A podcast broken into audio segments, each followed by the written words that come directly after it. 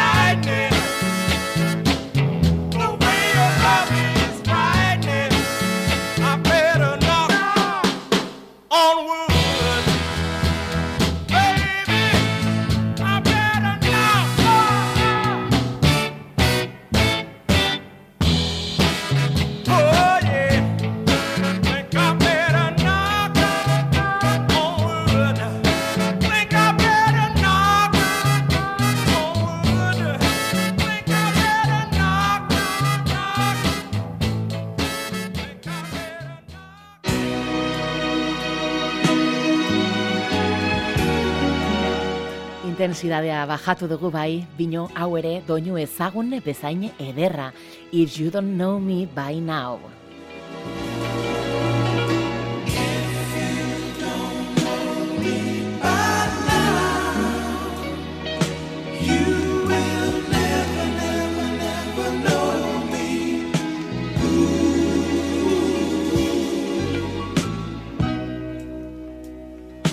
All the things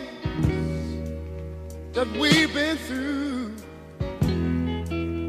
You should understand me like I understand you.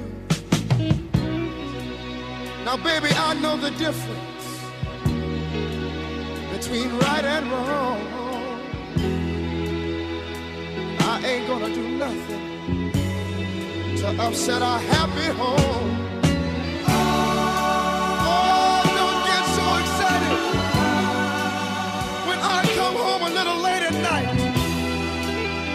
We only act like children.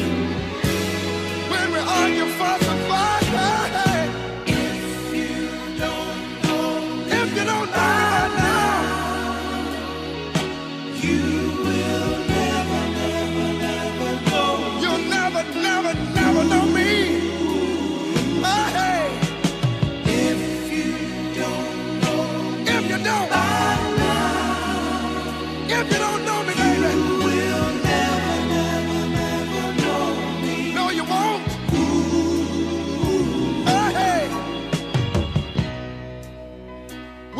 got our own funny moves. I've got mine. Woman, you got yours too. Just trust in me like I trust in you. As long as we've been together, that should be so easy to do.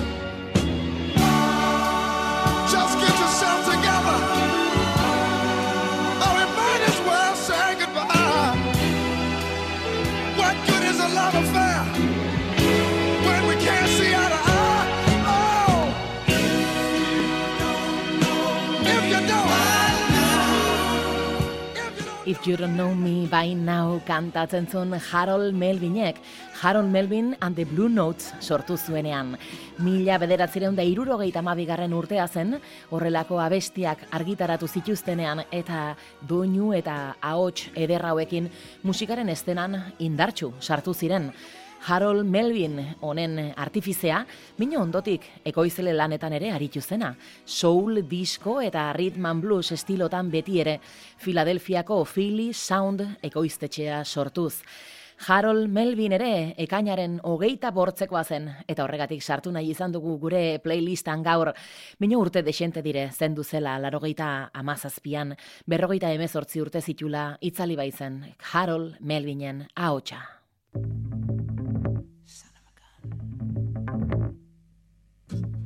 Eta tira, segidezagun urte betetze gehiagorekin, honen izena You're So Vain. Urteak betetzen ditulako gaur, bertze emakume honek ere. Bera da, Carly Simon. You walked into the party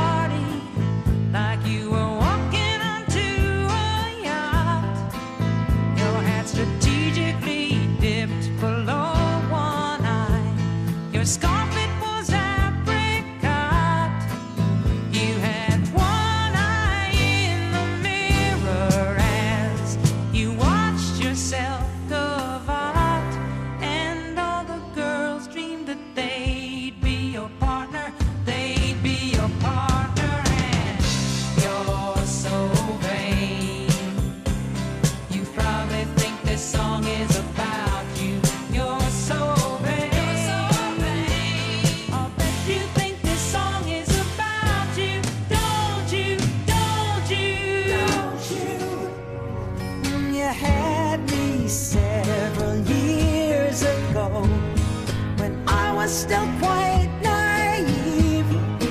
When you said that we made such a pretty pair and that you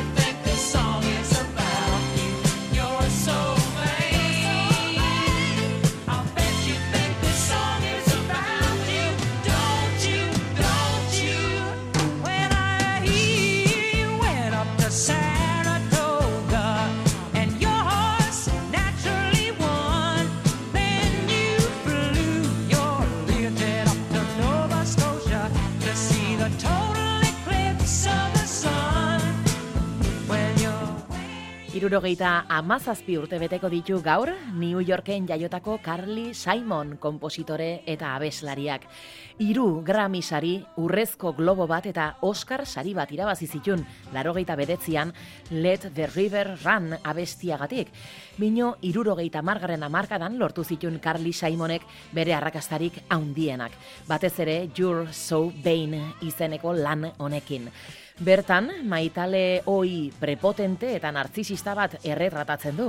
Urteetan anonimatuan gordeduna, bino 2000 eta amabortzean argitaratutako bere memorietan aitortuzun, kantu honek Warren Beattyri egiten ziola erreferentzia.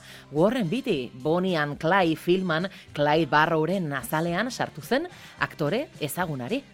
Mino tira, txutxumutxuak alde batera utzita, erran bezala, artista honek, Carly Simonek urteak betetzen ditu gaur. Irurogeita amazazpi beretzako. Kantu erraldoi bat orain.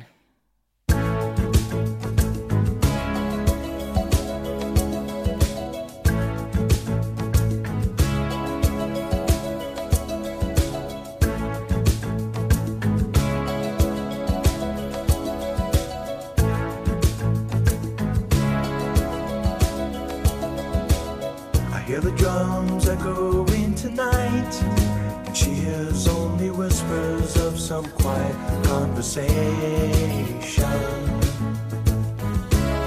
She's coming in 12:30 flight. The moonlit wings reflect the stars that guide me towards salvation. I stopped an old man along the way hoping to find some old forgotten words or ancient melodies. Turned to me as if to say, Hurry, boy, it's waiting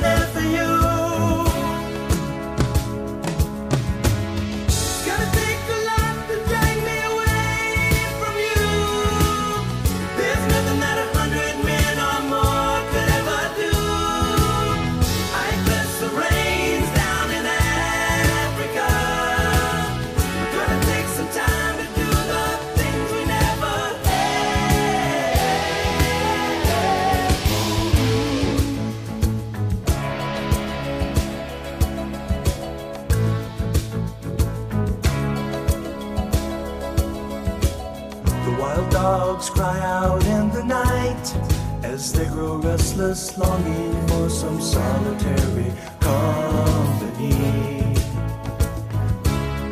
I know that I must do what's right, sure as Kilimanjaro rises like Olympus above the Serengeti. I seek to cure what's deep inside, frightened of this thing that I've become.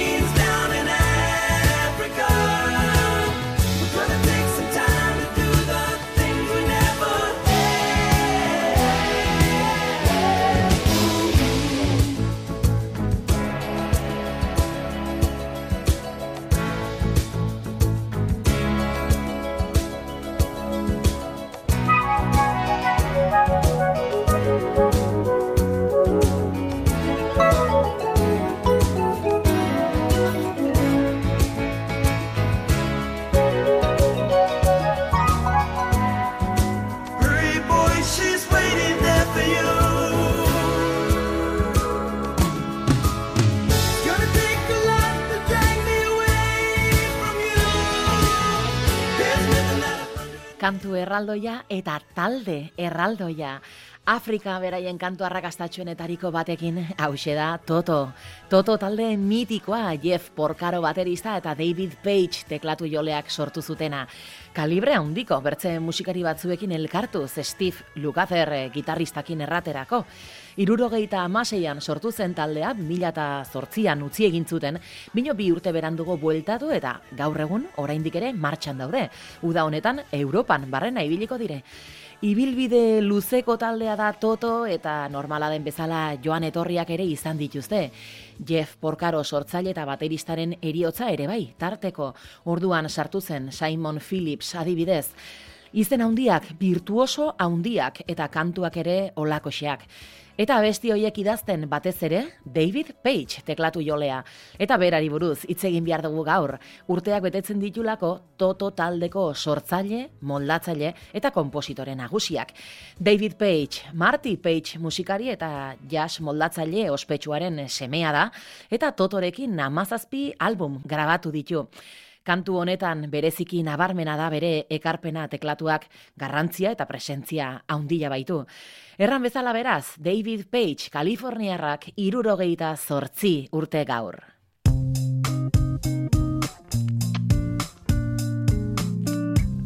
Maron Faifekin segiko dugu, She Will Be Loved. Beauty queen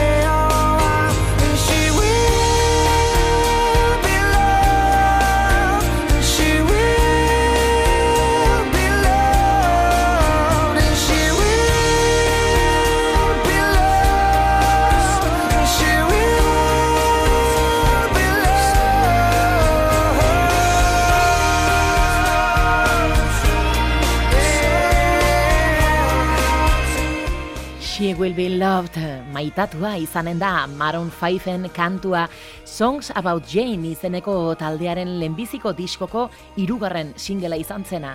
Gurekin gramofonoan Maroon 5 talde Kaliforniarraren debuteko albumak hogei urte betetzen ditulako gaur bertan. Maroon 5en debuteko diskoak hogei urte gaur. Ezaera bat bada zaratak amalau, urrutiko intxaurrak gerturatuta lau, gure herrian berriz hogeita amalau, probatu ez duenak ez daki zer den hau.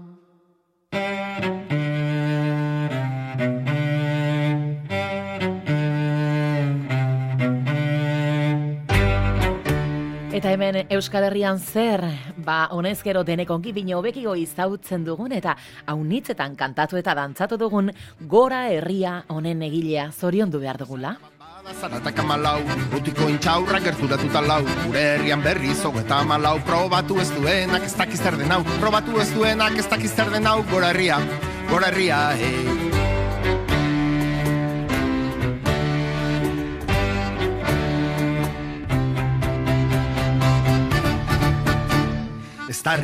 Bertsolaria eta euskal kantaria unitzen letragilea da bera, Zumaiarra Jon Maia. Jon Maiaren eguna ere badelako gaur, eta zenbaki borobilera ailetu da gainera. Goizean jekitzearekin batera berrogeita amarrak jantzi ditulako maiak. Eta ze erran eh, Joni buruz, ba, urte hauetan sekulako altxorrak utzi dizkigula, bai bertsolaritzaren munduan baita musikaren alorrean ere kantu haunitz jonen lumatik jaio baitire, eta orain gainera hoiek guztiak bildu, eta moldaketa dotore batzukin berak ahotsak grabatu eta Euskal Herriko txoko haunitzetan aurkezten ari da. Bere ibilbideko lanen errepaso moduko bat egiten nolabait errateko. Omendu dezagun beraz, bere kanturik sonatuenetako batekin gaur, Jon Maia. Irudika dezagun etorkizuna.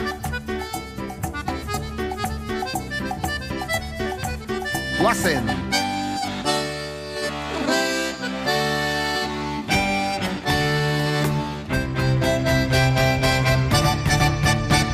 Esaera bat bada zaratak amalau, urrutiko intxaurra gerturatuta lau.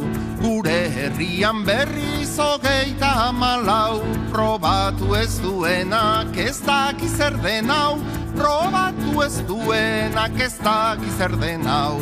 Ez da rindartxuak ezin dira ito, gure lepoan soka ez dago betiko, barregin gogotik neskata mutiko, kantatzen duen herri bat ez da inoizilko, kantatzen duen herri bat ez da inoizilko, ez da inoizilko, ez da inoizilko, gora herria, gora herria, eh, gora herria, gora herria. Para vencer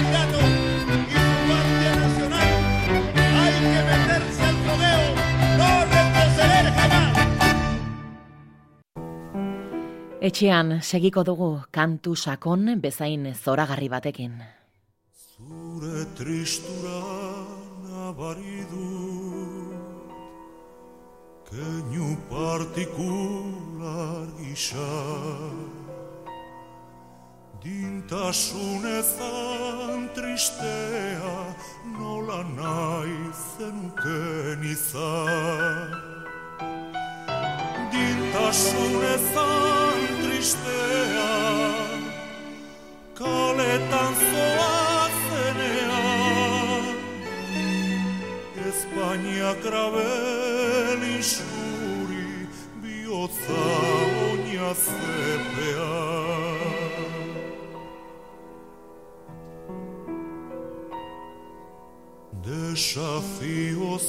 Erregistroz guztiz aldatu dugu bai, bino arrazoi handi bat tarteko Imanol, gogoratzeko Imanol Larzabal.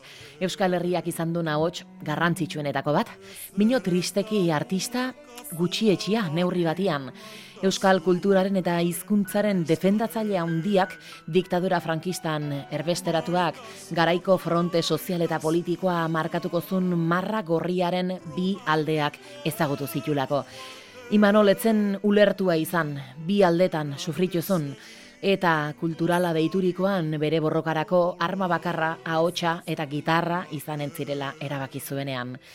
Gaztaroa, gitarra, ahotsa eta mezu iraultzaileko abestiekin borroka eginez bizituzun, mino gero, urrun eta egun batean zirraraz txalotu zuten hoiengatik aztua hiltzen. Alikanten 2004ko ekainaren hogeita bortzean. Etxipenean ainarro nola nahi zenuken izan Maitasuna, maitasuna Romantikoen uarte. Penak desegin gozaitu Odola izoztu arte Oh,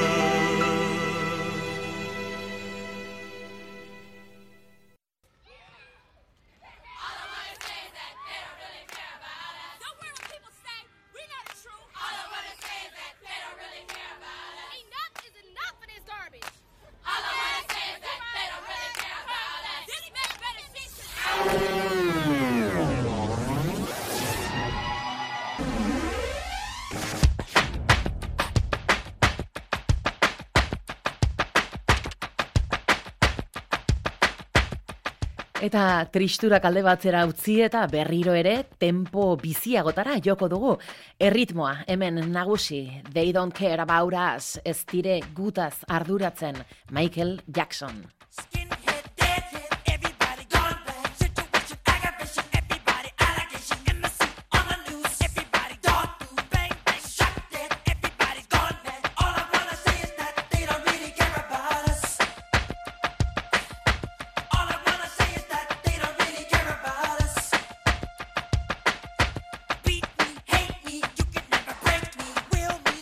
Gaurko egunean bertze eriotza bat ekarri behar dugu gogora emezortzi, eh, emezortzi urte Imanol Larzabalek eh, utzi gintula eta hortik bortzera, hau da 2000 bederatzean Michael Jacksonek. Egun berean, biek bortz urteko diferentziakin, ekainaren hogeita bortz batez orain dela amairu urte Michael Jacksonek agur errantzigulako. Abesti arrakastatxuen ondare izugarria utzi zigun Michael Jacksonek mino baita argitu ez diren adin txikikoei sexu abusuak egiteagatik eh, sortutako polemika eta eskandalu haunitzere. Abeslaria, kompositorea, ekoizlea, dantzaria eta aktore bikaina izan zela ez dago dudarik. Eta zalantzarik gabe pop musikaren ordezkari haundienetako bat izan zen Michael Jackson. Berrogeita hamar urtekin zendu zen erran bezala gaur amairu urte intoxikazio baten ondorioz.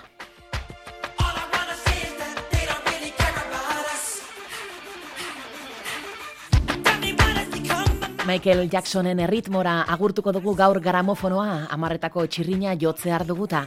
Urrengo astean gehiago eta aldela hobekigo. Hemen izanen garagu txintxo txintxo larun batero bezala. Asteburu ederra izan dezazuela. Aio aio.